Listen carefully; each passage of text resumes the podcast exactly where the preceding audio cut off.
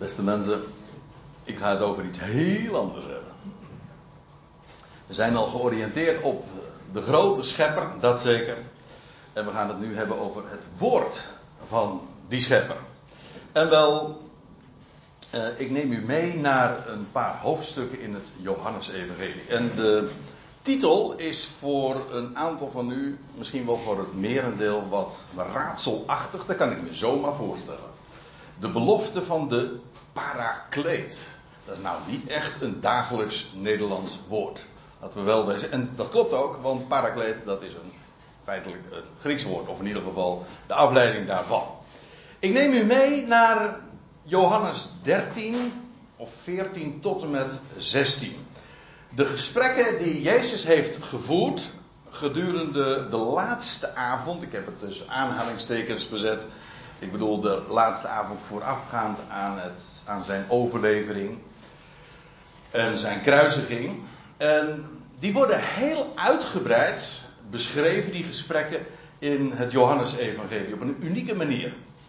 En we hebben ons daar al eh, vaak mee bezig gehouden in de studies in Bodegraven. En daar zijn we trouwens nog steeds mee bezig. En die studies hebben mij eigenlijk ook uh, erg bepaald bij dit onderwerp. En ik vond deze Pinksterdag een mooie aanleiding om daar eens wat over te vertellen. Tijdens die avond, dat de Heer Jezus ook bekend is, het laatste avondmaal dan hield, kondigt hij vier keer de komst van de parakleet aan. En we, al die keren dat hij dat doet, die gaan we vanmorgen ook bezien. Uh, het woord parakleet, dat is de afleiding van een Grieks woord, namelijk parakletos of parakletos. Of, nou ja, ik eh, ben daar niet zo heel erg goed in, maakt niet uit, u weet waar het over gaat. Ik moet erbij zeggen, bekender is de wijze waarop de Statenvertaling, maar ook de NBG-vertaling, de gewone NBG-vertaling, dat weergeven. Die geven dat namelijk weer met trooster. Ik, ik zal u een andere trooster zenden. En dat woord komt dan uh, een viertal keren voor, juist daar in Johannes 14, 15, 16. Datzelfde woord, parakletos, dat komt nog een keer voor. En ook in, het Johannes, in de geschriften van Johannes, maar dan in zijn brief. En dan wordt het weer vertaald met voorspraak. Dat, daar staat er van, en die we gezondigd hebben, wij hebben een voorspraak bij de Vader. In Johannes 2, vers 2. Zo wordt het dan weergegeven. Dat is dus niet erg concordant, niet eensluidend. Uh, wat, wat verwarrend is. Ik moet erbij zeggen dat de NBV, waar ik ook wel eens een keertje minder aardige dingen over heb gezegd, die is wel concordant. Die geeft het namelijk alle vijfde keren weer met, en ik denk dat dat veel beter is, met pleitbezorger. Of de Taylors vertaling, die doet het ook concordant en die geeft dan vijf keer weer met voorspraak. In ieder geval is dat consequent, zodat je niet één woord twee manieren, uh, verschillende manieren weergeeft.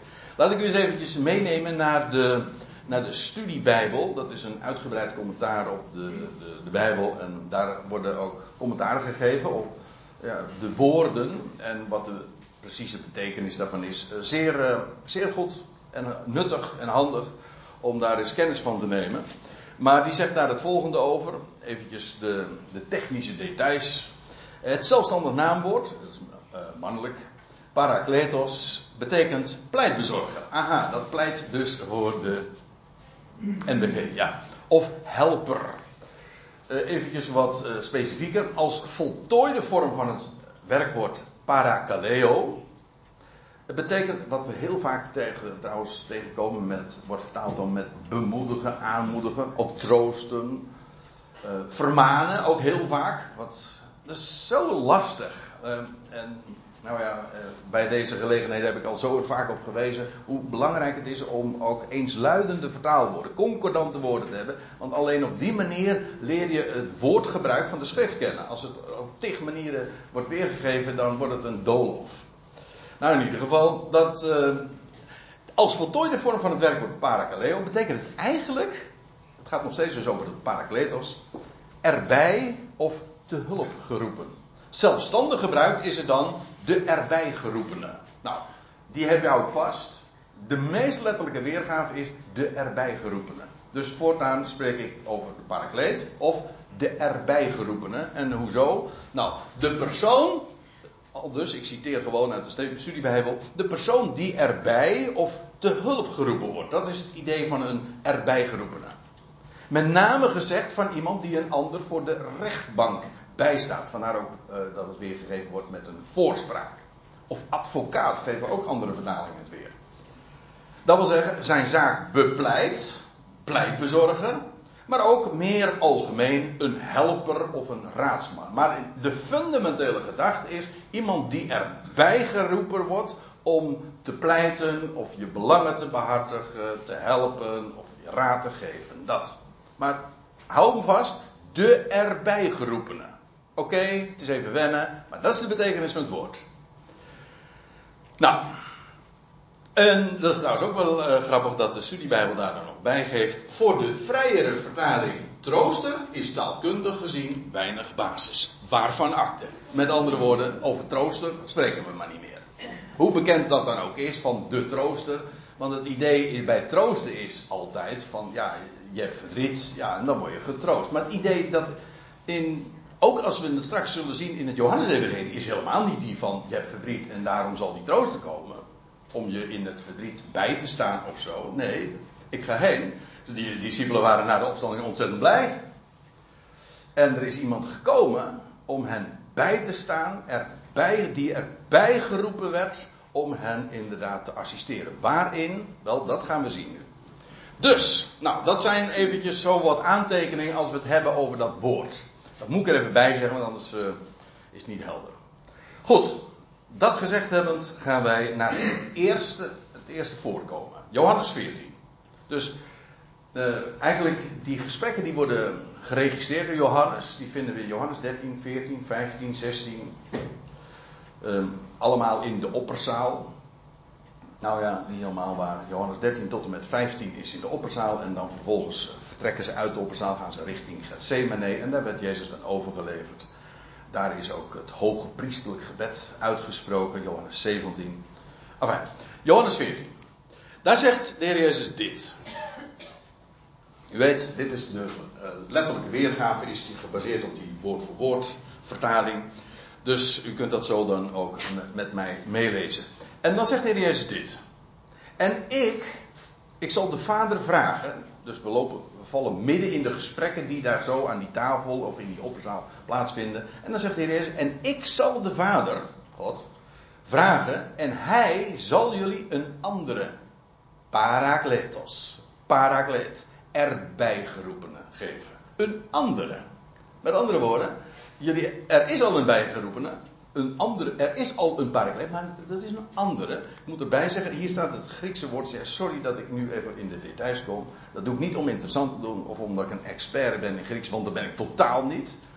Maar uh, je hebt namelijk twee woorden voor anders in het Grieks, namelijk, die kennen we. Uh, dat is anders, allos, dat is wat hier staat. En je hebt ook het woordje heteros. Nou, die kent u toch tegenwoordig wel, want die wordt, uh, daar word je mee nou, ik wou niet zeggen doodgegooid, maar dat scheelt niet veel. Hè? De, uh, heteros, dat is ook anders, maar dan echt andersoortig. Bijvoorbeeld, ik heb een andere auto, dan zeg ik, ik heb een andere Ibiza. Ja, ik weet tegenwoordig wat voor auto ik krijg. Um, maar als ik zeg, ik heb een, ander, ik heb een heteros auto, dan rijd ik nu een Rolls Royce. Zover is het nog niet. Maar dan heb je echt een heel andersoortige auto. Dan hebt u dus, er is verschil. Ik heb een andere auto en ik heb een heel andere soortige auto. Dus dat verschil, dat subtiele verschil, wordt, kun je in het Grieks maken. En hier is dat woordje anders. Ik heb een, het is een de bijgeroepene. Het is uh, een pleitbezorger dus, of een erbijgeroepen, in een andere hoedanigheid. Hij is anders, namelijk hoezo anders? Nou, een, in geest. Dat kan ik u dat kan ik zo wel zeggen, want het staat er namelijk zo bij. Maar even is nog het volgende. En die bijgeroepene, die zal dat zegt de Heer Jezus dus. Hij zegt: Ik zal de Vader vragen en hij zal jullie een andere erbijgeroepene geven. Om tot in de aion, de eeuw, niet tot in eeuwigheid, dat is niet de gedachte, maar om tot in de aion, die volgende, het volgende wereldtijdperk, met jullie te zijn. eigenlijk komt het erop neer: die geest zal bij jullie zijn. Uh, Totdat ik er gewoon weer fysiek bij jullie ben. Want hij zegt dan vervolgens wie die eh, geest is, of wie die parakleet is. Dat is de geest van de waarheid. Dat is de eerste aanduiding, de eerste wijze waarop die parakleet beschreven wordt. Of uh, ja, gedefinieerd wordt, of in ieder geval aangeduid wordt. Wat is die parakleet? Wie is die parakleet? Dat is de geest van de waarheid. Niet, het gaat niet om de waarheid van de geest. Het gaat om de geest van de waarheid. En dat is het meest karakteristieke, want het blijkt ook. Uh, in deze hoofdstukken, als de Heer Jezus over die parakleet heeft, dan noemt hij hem drie keer zo. Ook in, dus hier dus, en in hoofdstuk 15, hoofdstuk 16. Iedere keer de geest van de waarheid. Wat denkt u nou dat die geest van de waarheid in het bijzonder dan doet? Als dat zo benadrukt wordt. En als die zo wordt benoemd. Ja, die geest die gaat. Die heeft dus iets met waarheid. Maar die gaat de waarheid bekendmaken. Uh, meer bekendmaken. Jullie. Uh, ook de waarheid openbaren. De geest van de waarheid. Kennelijk is de waarheid nog niet compleet. Daar is die, die parakleet juist voor nodig. De geest van de waarheid, hij zegt, ja, die de wereld niet kan ontvangen. Dus het, is niet zo dat die geest iedereen, de, of in de hele wereld die ontvangt, integendeel. Nee, de geest van de waarheid die kan de wereld niet ontvangen, maar die, hij zal bij jullie komen. Moet, u moet zich voorstellen, eventjes om het tijdraam ook even goed in de gaten te houden. Dit is dus uitgesproken in de nacht of in de avond voordat de Heer Jezus gekruisigd werd. Een paar dagen later, drie dagen later, zou hij opstaan uit de doden. En vijftig dagen later zou die parakleet daadwerkelijk ook demonstratief komen. Strikt genomen kwam die geest, maar dat zeg ik om het ingewikkeld te maken. Nou ja, kwam die geest al op de opstandingsdag. U weet nog op de dag van de opstanding dat de Heer Jezus dit deed, hè? Ja, zo deed hij dat. Dat staat in Johannes 20. Hij zegt, hij blies op hen op die dag en hij zegt, ontvang mijn geest. Heilige geest. Dat en vijftig dagen later kwam die geest ook demonstratief met storm. Eh, nou ja, een geweldige windvlaag, dat geluid was het. En tongen van vuur en vreemde talen die werden gesproken. Nou, heel demonstratief allemaal. Maar hier werd er de geest van de waarheid dus, zeg maar 3, 54 dagen daarvoor al beloofd. De geest van de waarheid, die de wereld niet kan ontvangen. Staat er, uh, want zij aanschouwt het niet. Dat wil zeggen, die, die waarheid niet en die geest van de waarheid niet. En ze kent het niet. Nee. Maar jullie kennen het. Want het blijft bij jullie en het zal in jullie zijn. Let trouwens ook op hoe dat wordt gezegd. Hè? Het wordt niet voorwaardelijk, het is een belofte en een voorzegging.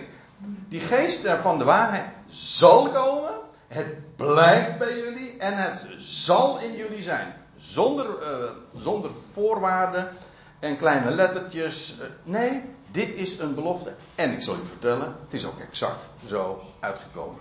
Unaniem hebben die discipelen, want tot hen werd gesproken. Let op, ook dat moet je niet vergeten. In de Bijbelstudies in Bodegraven is dat al, hebben we dat al vaak opgemerkt. Die hoofdstukken in Johannes gaan specifiek in de eerste plaats tot, uh, en worden gesproken tot de discipelen, die leerlingen die daar in die opperzaal waren. En voor hen heeft het ook concreet betekenis gehad in die zin dat het ook daadwerkelijk zo exact ook vervuld is. Dus denk niet bij jullie meteen ook, oh dat zijn wij ook. Dat, dat mag je er soms, uh, kun je erbij denken, maar dan wordt het een toepassing. De uitleg is, die jullie, dat zijn degenen die de Heer Jezus hier aansprak. Dat lijkt me nogal duidelijk trouwens, maar ik zeg het er nog maar even bij. Hij zegt, en mijn broer haalde die woorden zojuist in zijn gebed al aan. De Heer Jezus had gezegd: Ik zal jullie niet als wezen achterlaten. Ik kom naar jullie toe. Hé, hey, maar dat is eigenaardig. Eerst had hij gezegd: Het is een andere pleitbezorger, een andere parakleet. Maar hij zegt nu, hij zegt zelf: Eigenlijk ben ik het zelf. Ik kom naar jullie toe. Ja, en dat betekent gewoon dat de geest van de waarheid niks anders is dan de geest van Christus zelf. Het is ook de geest Gods. God zou hem zenden, maar het is ook de geest van Christus. Hij komt namens Christus en in die geest komt Christus ook mee. Dus ja, dat kan allemaal. Dus, maar het is opmerkelijk dat de Heer Jezus dat zo zegt. Ik kom weer naar jullie toe, alleen in een andere hoedanigheid. Niet fysiek, fysiek ga ik juist weg. Maar geestelijk kom ik gewoon weer tot jullie terug. Nog even, zegt hij dan, en de wereld die ziet mij niet meer. Nee, ook dat is een voorzegging. Want de Heer Jezus zegt uh, nog even, een korte tijd. Een tijdje, eigenlijk, micron. Gewoon een, een, een tijdje. En de wereld ziet mij niet meer. Moet u nagaan. Dit was de avond dat de Heer Jezus uh, dit zo uitsprak. De volgende dag zou hij worden gekruist en begraven. Dat is het laatste wat de wereld gezien heeft van hem. Ze hebben hem in een graf gelegd. Dat heeft de wereld nog gezien. En daarna, ja, weet je wat ze drie dagen later zagen? Dat de steen weggewenteld was en dat het graf leeg was. Dat was onmiskenbaar. Vriend en vijand waren, konden dat vaststellen. Het graf was leeg. Dat is ook nooit betwijfeld, hè? Dat is leuk. Nooit is betwijfeld, ook niet door de tegenstander, dat het graf leeg was. Maar het laatste wat ze van hem hebben gezien, is dat hij begraven werd. En vandaar ook dat de Heer zegt: De wereld ziet mij niet meer. Maar jullie zien mij. Jullie, dan moet ik het goed zeggen. Jullie zien mij. De wereld niet meer. En dat is ook inderdaad zo gegaan. Maar jullie zien mij. Want hoezo? Nou, want ik leef en jullie zullen leven. Het gaat dus over zijn opstanding. En ik sta op uit de doden en ik zal aan jullie verschijnen. En inderdaad, een paar dagen later is hij aan hen verschenen. Trouwens, eh, bij vele gelegenheden gedurende 40 dagen. En hij is verschenen op een gegeven ogenblik zelfs een keer, dat is in Galilea geweest, aan meer dan 500 broeders tegelijk. De zusters niet meegerekend, dat denk ik wel. Ik denk dat het inclusief de zusters was.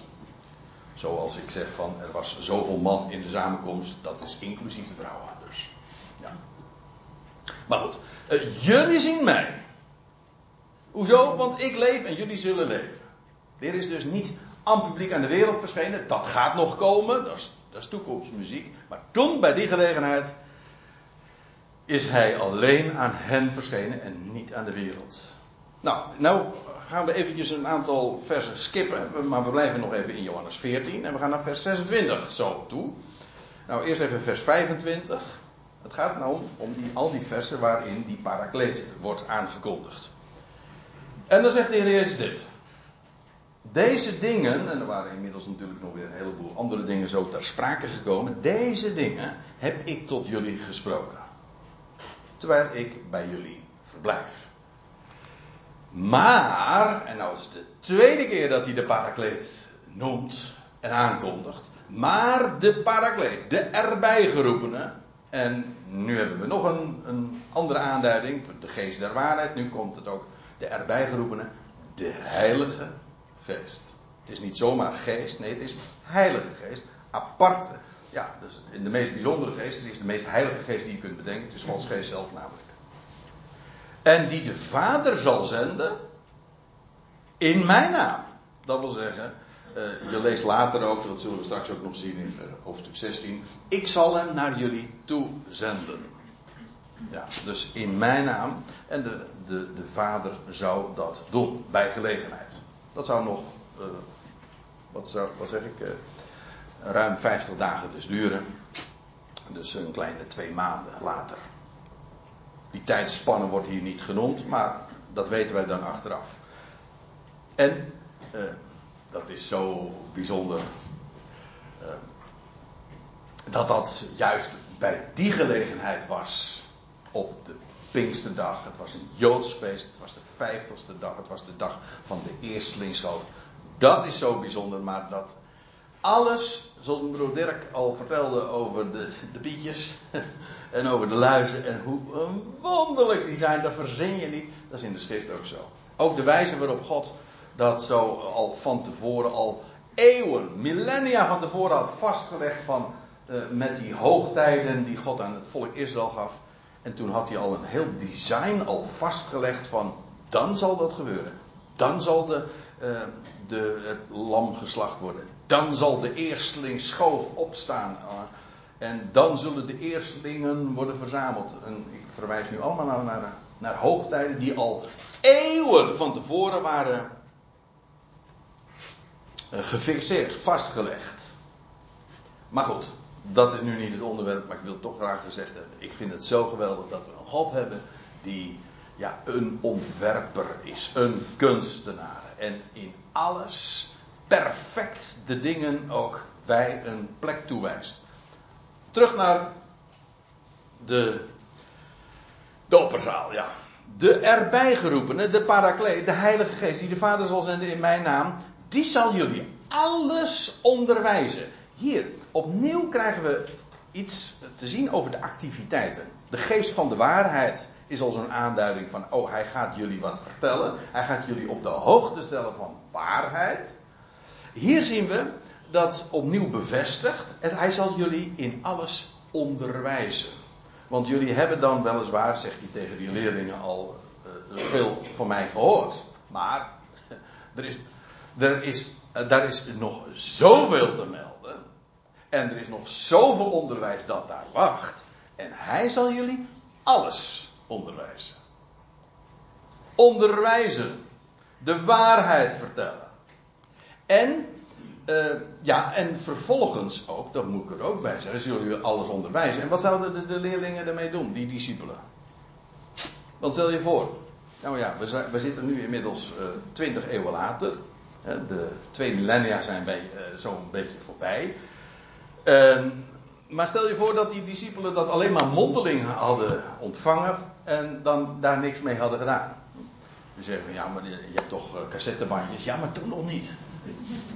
Uh, het, is, het is vastgelegd, het is geboekstaafd, het is zwart op wit gelegd. En dat is het bijzondere, de enorme taak die zij kregen om de, de schriften inderdaad te schrijven. De Heilige Geest die zou komen en die, heeft, die zal jullie alles onderwijzen. En zij hebben dat op hun beurt vervolgens ook daadwerkelijk vastgelegd. Zodat wij zoveel eeuwen later nog steeds daar de vruchten van plukken. En daar ons in dat onderwijs wat zij ontvingen, gewoon uh, dat wij daar ook in onderwezen worden. En bovendien, ja, dat is wel mooi woord, want die schriften die zij hebben achtergelaten, die zijn, let op, dat woord is trouwens een Bijbels woord, geïnspireerd. En u hoort daar het woordje spirit in. En spirit is geest. Ingeblazen is dat. Dat. Als God blaast, dan komt er altijd leven. Hè? Dat, dat moet je maar eens aan Adam vragen. Maar die wist dat. Kreeg hij de adem van God in zijn neus gaat. En hij, alzo werd hij een levende ziel. Maar goed, als God blaast, dan komt er leven. Dit is geïnspireerd. Nou, niet die vertaling bedoel ik, maar wel het origineel. De schriften. Die zijn geïnspireerd. En daar in die schriften en ik bedoel vooral ook het Nieuwe Testament, dat toen in de dagen van Johannes 14 nog uiteraard helemaal geschreven moest worden. Wel, daarin vinden we die waarheid. Daarin vinden we dat, dat volle onderwijs. Alles wat nog onderwezen moet worden, dat, dat is vastgelegd en geïnspireerd. En die geest hebben we in dat woord. Ik, ik zeg, ja, dat is eigenlijk de rode draad door deze hele toespraak, wat ik u eigenlijk wil laten zien men denkt bij spirit altijd uh, zo wazig en mensen gaan zweven als op de wind. Nou ja, hebben wij ook gezongen. Maar spirit blijkt voor ons heel, uh, ja, dat is leven, zeker. Maar daar is, dat is vastheid. Het is namelijk geïnspireerd. Die schriften, dat is geest. Dat zei de Heer Jezus trouwens ook al. Dat was eerder in Johannes 6 lees je. Mijn woorden zijn geest en leven. Dat die, die tweedeling die altijd men maakt tussen geest en, en woord. Absoluut onbijbels. In dat woord komt de geest. Dat is geest. Dat is leven. Dat is spirit. Want geïnspireerd. Ja, geïnspireerd, ja. Laat ik het zo zeggen. Hij zal jullie in alles onderwijzen en hij zal jullie alles in herinnering brengen wat ik jullie zei. Aha. Maar dat, is ook, dat betekent dus dat die geest, die, die parakleet wordt gegeven, om jullie nog veel meer te vertellen, maar ook hij gaat jullie geheugen opfrissen.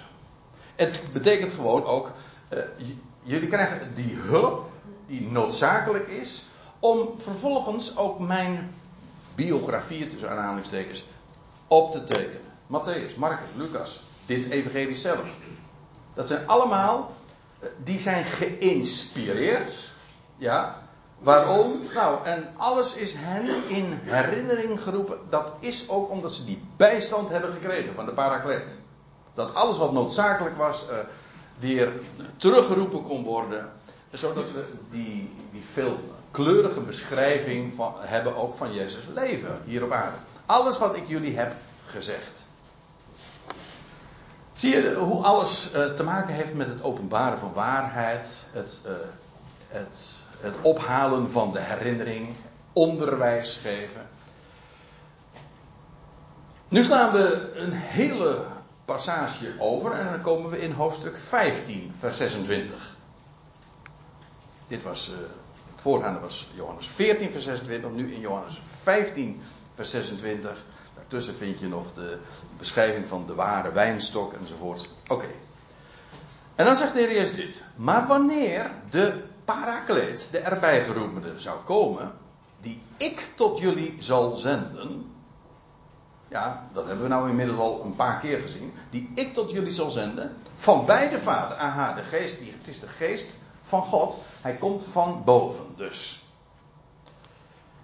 En weer de geest van de waarheid. Dat is de tweede keer dat we hem tegenkomen. Of is het de derde keer al? Nou, blijf vanaf. De geest van de waarheid. Die van bij de Vader uitgaat, van boven dus komt.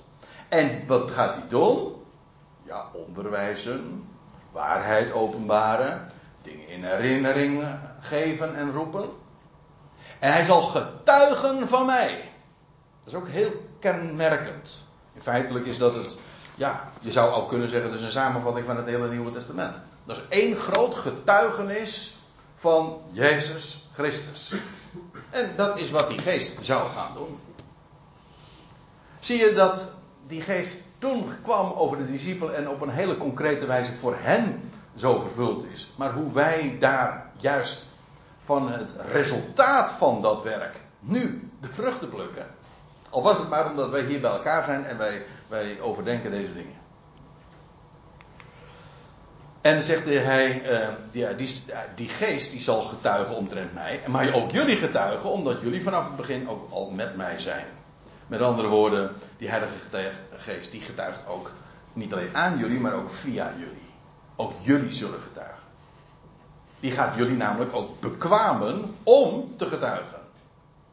Ziet u hoe dat die twee één zijn? Goed, we gaan naar hoofdstuk 16 nu. Dat is de volgende keer dat we die vinden. Over de geest. Uh, nee, over de parakleet. Maar, zegt de Heer Jezus, opnieuw vallen we zomaar weer midden in de gesprekken. Dat uh, moet u me maar niet kwalijk nemen dat ik iedere keer dus die passages oversla. Dat kan niet anders. Het is dus echt een, een woordstudie wat we vanmorgen doen. Studie, maar in ieder geval, we gaan na. Waar komt die parakleet zo voor? Nou, die verschillende vier passages die, uh, die, die bespreken we, die bekijken we. En wat staat daar nu? Goed, de heer Jezus zegt dan. Hij zegt, ik zeg, ik zeg jullie de waarheid. Het is nuttig voor jullie dat ik wegga. Dat is wat dubbelzinnig, want je zou kunnen zeggen van ja, dit was net de, de nacht of de avond voordat hij gekruisigd werd? Is dat, doelt hij nu op dat, het feit dat hij gekruisigd zou worden? Of doelt hij op het feit, en dat laatste is het geval hoor, als je dat in de, in de, de context, de samenhang bekijkt. Of hij op het feit dat hij inderdaad het aardse toneel zou verlaten bij een nog latere gelegenheid? En dat laatste is zo, want dat zie je, want indien ik niet zou weggaan, zal de erbij geroepene, de parakleet, niet naar jullie toe komen. Aha, dus wat we zien is, die, uh, het is die parakletos, die, die komt pas, kan ook pas komen, als ik heen gegaan ben. Dus ik ga heen en dan komt de parakleet. Ga ik niet heen, dan komt die parakleet dus ook niet. Hij zegt, daarom is het nuttig. Want die parakleet gaat jullie namelijk hele belangrijke dingen doen. En het is trouwens ook heel belangrijk dat ik heen ga. Ja, dat is nou niet het onderwerp van vanmorgen zozeer. Het nut van dat heen gaan. En ik bedoel, en waarom hij ook heen ging. En waarom hij nu daar is. Waarom hij aan Gods rechterhand is. Daar hebben we het eh, nog niet zo lang geleden een paar keer eh, over gehad. De, de voorzegging al dat, eh, in de, van de psalmen al, dat er staat van dat God al aankondigt dat de Messias zou gaan zitten aan Gods rechterhand voor een bepaalde tijd. Oké, maar dat is het onderwerp niet, maar het gaat er wel even om, wat de Heer Jezus zegt is, ik ga weg, dat is noodzakelijk, voor, wil de parakleet, de erbij geroepene, naar jullie toe komen. Maar als, maar als ik gegaan ben, dan zal ik hem naar jullie toezenden. Aha, dus op het moment dat hij heen gegaan is, dan zal hij naar jullie toe komen. Zo staat het er. Zodat de Godsgeest ook werkelijk de geest ook is van de verheerlijkte Christus. Als ik gegaan ben, dat wil zeggen naar boven. Dan zal hij komen en hij zal zo van die heerlijkheid ook getuigen. En wat hij gaat doen is dit. Die wereld kan die geest niet ontvangen. Nee, maar hij gaat wel iets met. Hij gaat doen. Iets doen met die wereld. Of aan die wereld. Eh, nou, lees Johannes 16, vers 8. En komende, dus terwijl die geest komt, wat gaat hij doen? Zal hij de wereld nou overtuigen? Eigenlijk staat er een woord ontmaskeren. Het is een demasqué. En wat doet hij? Ja, hij gaat, het is de geest van de waarheid. Hij gaat de wereld ook confronteren met de waarheid. Dat is trouwens ook wat een ontmaskering is, toch? Je, het masker gaat weg, het vernis gaat weg. En dat wat eronder ligt, de waarheid, dat komt aan het licht. Ontdekkend dus, met recht. De wereld wordt ontmaskerd.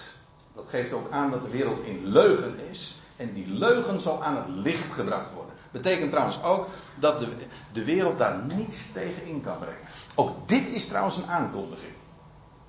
Een belofte en een voorzegging. Dat gaat gebeuren. De geest kwam zo krachtig. En ik zou zeggen, lees het boek Handelingen, want daar vinden we het gewoon allemaal historisch beschreven. De geest is gekomen. En moeten we eens lezen dan hoe demonstratief, zodat de wereld het ook niet kon ontkennen. En ook, ze konden de apostelen niet monddood maken. Ze konden hun woord ook niet weerleggen. Je vindt dat zo vaak. Het werd, ges, het werd gehaat. Ik bedoel, uh, er, ontstonden enorme vervolgingen. Het woord was gehaat. Maar één ding was onmiskenbaar. En dat is dat het de waarheid was die aan het licht gebracht werd. En de enige manier is, als je, als je de waarheid niet wil horen, weet je wat je dan moet doen? Dan moet je degene die, de, die het spreken, moet je gewoon monddood maken. En dat de, de meest effectieve, ook de meest uh, harde manier is om de, de spreker gewoon helemaal dood te maken. Want dan kan hij niks meer zeggen in ieder geval. Je kunt ook gewoon wat vriendelijker doen. Tegenwoordig doen we dat vriendelijker. Dan maak je iemand gewoon monddood. En uh, bijvoorbeeld door het te negeren. Dat kan ook. Maar dat was toen de geest in het boek van de handelingen. Ook met al die wondertekenen die plaatsvonden. Echte wondertekenen. Dat waren geen, dat waren geen grappige trucjes of zo. Dat waren geen goocheltrucs. En ook niet van die discutabele wonderen waar vandaag en de dag mee gecoqueteerd wordt in de christelijke wereld. Sorry dat ik daar niet even uh, vriendelijk over kan zijn. En wat, als het dan weer nagetrokken wordt, blijkt het niet te kloppen. En dan is het een allemaal dikke duimwerk. Omdat men allemaal denkt dat de handelingentijd moet gekopieerd worden naar ons tijd. En als het dan niet lukt, ja, dan gaan we het. Eh, veel toeters en bellen enzovoort. Maar het is fake. Toen niet. In het boek de handelingen was het absoluut. Gewoon duidelijk. De teken, wonderen die, de wondertekenen die plaatsvonden. De wereld werd ontmaskerd. Ja, er staat erbij omtrent drie dingen. Ontmaskerd omtrent zonde, omtrent rechtvaardigheid en omtrent oordeel. Omtrent zonde, hoezo? Omdat ze in mij niet geloven. En wat uh, ook de geest zou gaan doen en aantonen, en dat, was, dat zie je dus in de prediking naar voren komen, dat zij niet in mij geloven. En dat is zonde, want daarmee misken je en doe je de waarheid ten onder. Overigens, ik zeg er even iets bij, zonder het nu nader toe te lichten, maar ik wil het graag gezegd hebben. Er staat hier, de weer, en komende zal hij de wereld ontmaskeren omtrent zonde, dus de zonde van de wereld. En wat is de zonde van de wereld? Dat zij niet in mij geloven. Nou, dan moet je eens eventjes terugbladeren naar Johannes 1. En daar vind je Johannes de Doper, dat is weer een andere Johannes, die bij de Jordaan staat. En dan ziet hij zijn neef aankomen. En dan zegt hij, zie het lam gods. En dan zegt hij erbij, dat de zonde, enkelvoud, der wereld wegneemt. En nou heb ik een vraag voor u. Wat is de zonde van de wereld? En dan kun je gaan, zeggen, kun je gaan fantaseren. Weet u wat veel beter is? De schrift zichzelf laten uitleggen. De zonde der wereld staat hier gewoon zwart op wit. In hetzelfde Johannes-evangelie. Je hoeft niet eens naar een andere schrift of een andere schrijver te gaan. Gewoon in hetzelfde Johannes-evangelie wordt al het antwoord gegeven. De zonde der wereld is ongeloof. Met andere woorden, wat, wat gaat het lam gods nou doen? Die gaat de zonde der wereld wegnemen. En wat is dat, de zonde der wereld? Dat is ongeloof. Wat doet dus het lam gods? Hij gaat het ongeloof wegnemen. En wat, doet hij, wat gebeurt er als ongeloof weggenomen wordt? Wat komt daarvoor in de plaats dan? Geloof. Met andere woorden, hij is het die gewoon ook de wereld zal doen geloven. Zover is het nu niet, maar het is wel een aankondiging. De lam gods gaat de zonde, namelijk ongeloof, wegnemen. Mensen zeggen, ja, maar ze moeten wel geloven. Nou, dat ongeloof neemt hij juist weg. Dat is het lam gods. Dat is niet iets wat de mens moet doen. Ook niet de prediker moet doen. Of het wordt ook niet gevraagd. Het lam gods neemt het ongeloof weg. Voilà. Dat is het evangelie. En dat is het waar ik... Ja, daar, daar geneer je eh, ook niet om. Want als zeggen mensen van ja, maar geloof ik niet. Dat maakt niet uit. Want wij wijzen op het lam gods. Die neemt het ongeloof weg. En dat doet hij op zijn tijd. Op zijn wijze. Maar hij doet het. Ja, dat, zijn de, dat, dat is nou de ruimte waar wij in staan. Hè? Als je de waarheid kent, dat is geweldig. Goed. Hier is het nog zo, uh, die wereld wordt ontmaskerd uh, omtrent zonde. Om, ook omtrent rechtvaardigheid, omdat ik naar de Vader toe ga en jullie mij niet langer aanschouwen. Dus ook dat is rechtvaardigheid. Hoezo rechtvaardig? Wel, het, is, het was tevoren namelijk beloofd en ook voorzegd. U weet het, hè? Belofte maakt schuld. Als ik een belofte doe en ik doe recht aan die belofte, ja, dan vervul ik dat. Dus het is het feit dat hij naar de Vader toe is gegaan en dat zij hem nu niet langer meer zouden aanschouwen, ja, dat was rechtvaardig, want het was namelijk tevoren beloofd, aangezegd. En dus, hij God vervult dat wat hij belooft. En dat is daarom rechtvaardig. En ook om, deze is, oh, uh, ja, wacht even. Uh, die kan ik nu niet echt goed uitleggen, maar hij is wel spectaculair hoor. Uh, omtrent oordeel, omtrent, omdat staat er de overste van deze wereld geoordeeld is. En ik weet dat iedereen nu denkt: oh, dat gaat over de Satan. Nee, dat is echt niet waar. Maar ja, ik, ik geef toe, dat is, dat is, de zwakte van deze ochtend.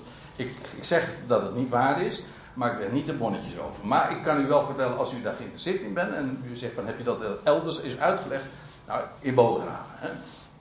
En u kunt het allemaal terugvinden op de website, maar ik wil er nu even bij zeggen, de overste van de wereld, dat is geen geheim, dat is degene die het, de, de vorst is van de kosmos. Niet het gaat niet over de God van deze Aion, degene die het alleen maar in deze Aion voor het zeggen heeft. Het gaat over degene, de erfgenaam, de Ben Adam. En je vindt de, uitdrukking de vorst, of de overste van deze wereld, vind je drie keer, ook in Johannes Evangelie. Alleen maar in Johannes Evangelie.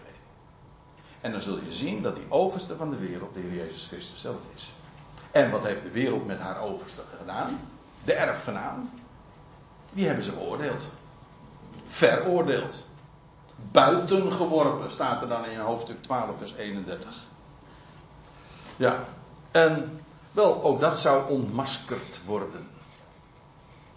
De wereld heeft haar overste geoordeeld. En daarin zou de wereld ook ontmaskerd worden. Dat is wat de Heer Jezus hier uh, kortweg ook aangeeft. Nou ja, ik zou, ik, ik, zou hier nog vele dingen over willen zeggen, maar goed. Uh, oh, dat zei de Heer Jezus ook. Nog vele dingen heb ik jullie te zeggen. Maar jullie kunnen dat op dit moment niet dragen. Moet je je voorstellen, dit is, ik wijs er nog een keer op, welke gelegenheid. Een paar uur later zou de Heer Jezus worden gevangen genomen en zou dat hele proces plaatsvinden en nog weer een paar uur later zou hij worden gekruisigd. Hoe een dramatisch moment dit is geweest. En de Heer Jezus spreekt over deze dingen.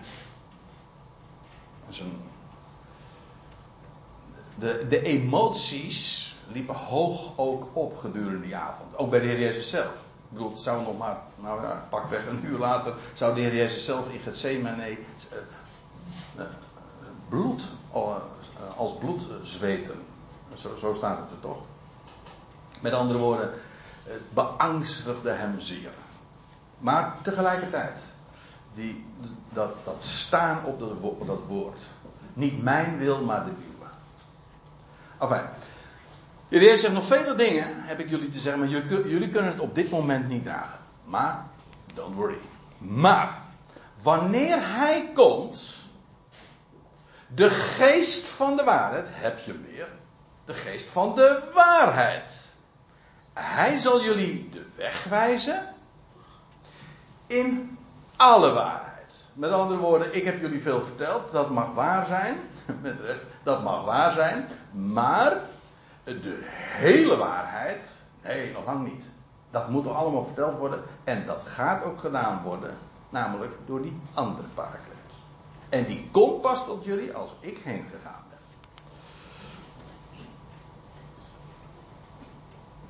Ook hier trouwens weer dat accent op het, de openbaring van de waarheid. Ze wisten nog zoveel niet. En dat moest allemaal bekendgemaakt worden. En dat was de reden waarom die parakleet wordt beloofd en zou komen. Want hij, die parakleet, die geest van de waarheid, zal niet spreken vanaf zichzelf. Vanuit zichzelf. Ook niet, het gaat er niet zozeer om dat hij niet uh, over zichzelf vertelt. Maar dat wat hij vertelt, dat, komt niet van hemzelf. Nee, maar zoveel hij hoort, zal hij spreken. Uh, hoort van wie? Nou, ja, ik kan het nu eigenlijk nog even niet zo laten zien, maar in het volgende vers zul je dat echt bevestigd vinden. Hij hoort dat, namelijk, um, hij hoort dat van mij. Als, als ik, laat ik het duidelijk zo zeggen. Ik ga heen. En die geest wordt geïnstrueerd. Hij zal dingen horen van mij en dat gaat hij jullie vertellen. Wat hij dus gaat vertellen, dat is. Dat hoort hij van mij en dat zal hij spreken. Hij hoort het. Oké, laten we het uh, even beperken daartoe. En straks zal ik ook laten zien dat hij van, inderdaad van de Heer Jezus zelf, de verhoogde, gehoord heeft. Dat zal hij spreken. En staat er nog bij. En ook de komende dingen, de, de toekomst dus, zal hij jullie verkondigen.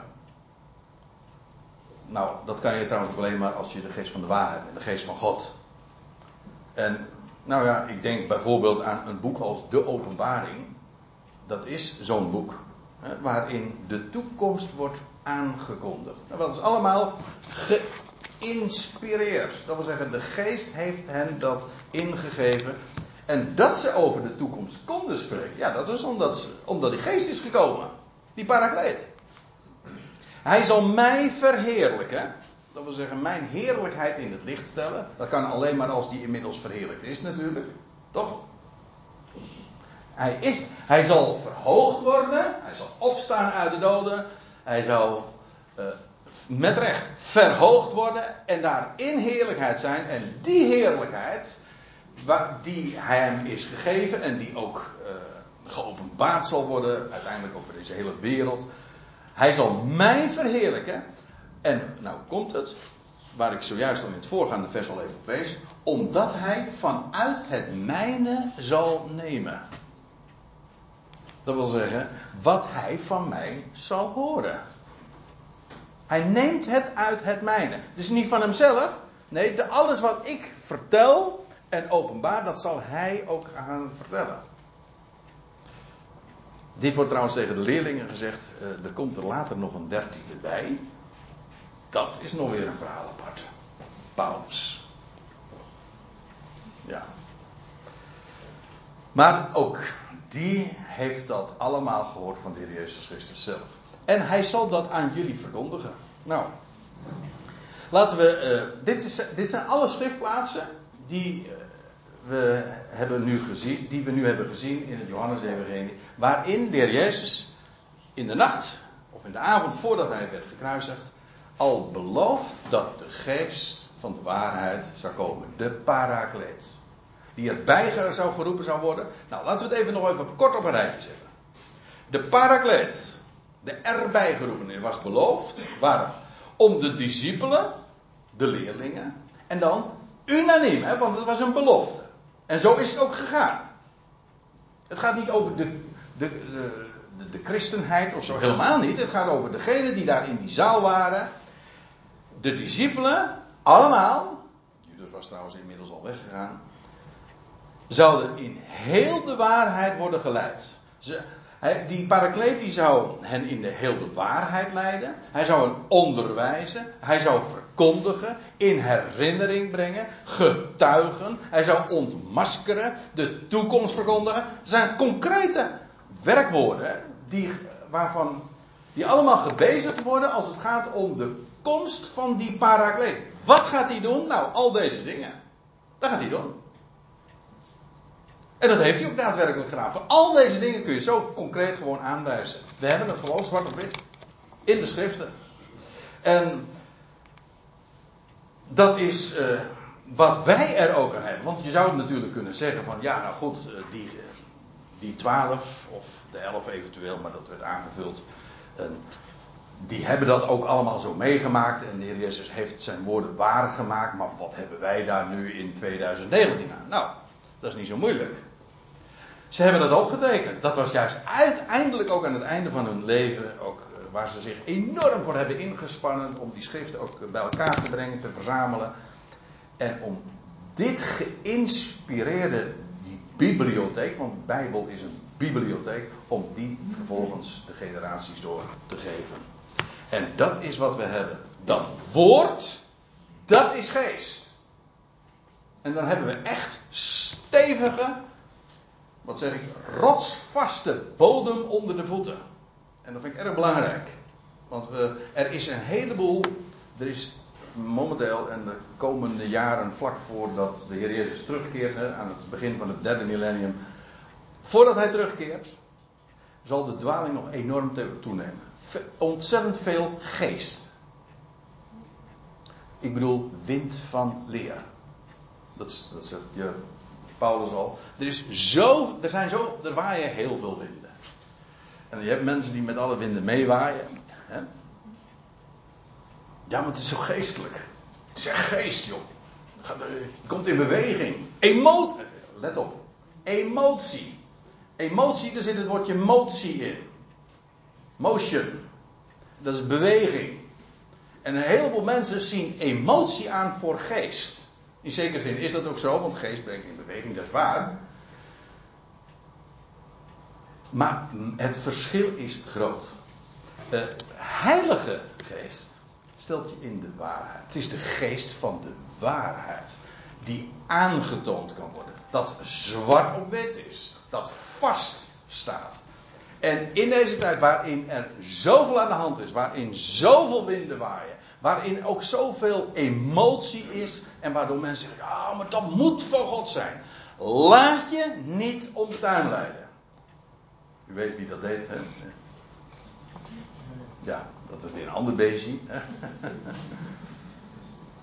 Die gespleten tong. Misleiding. Misleiding is het meest karakteristieke van de laatste fase van deze tijd. Misleiding alom. En dat je zou zweren dat het waar is. Het is niet waar. En daarom is het zo belangrijk, juist in deze tijd ook, te weten, het is de geest van de waarheid. En die vinden we in de schrift. En dat woord, dat is geest. En de parakleet die is erbij geroepen. Ja. Waarom? Om als hulp en als pleitbezorger die taak te vervullen. En dat is precies wat wij hebben. En er is niets geestelijker dan je te verblijden en te luisteren naar dat woord. Naar die waarheid, daarin vastgesteld te worden.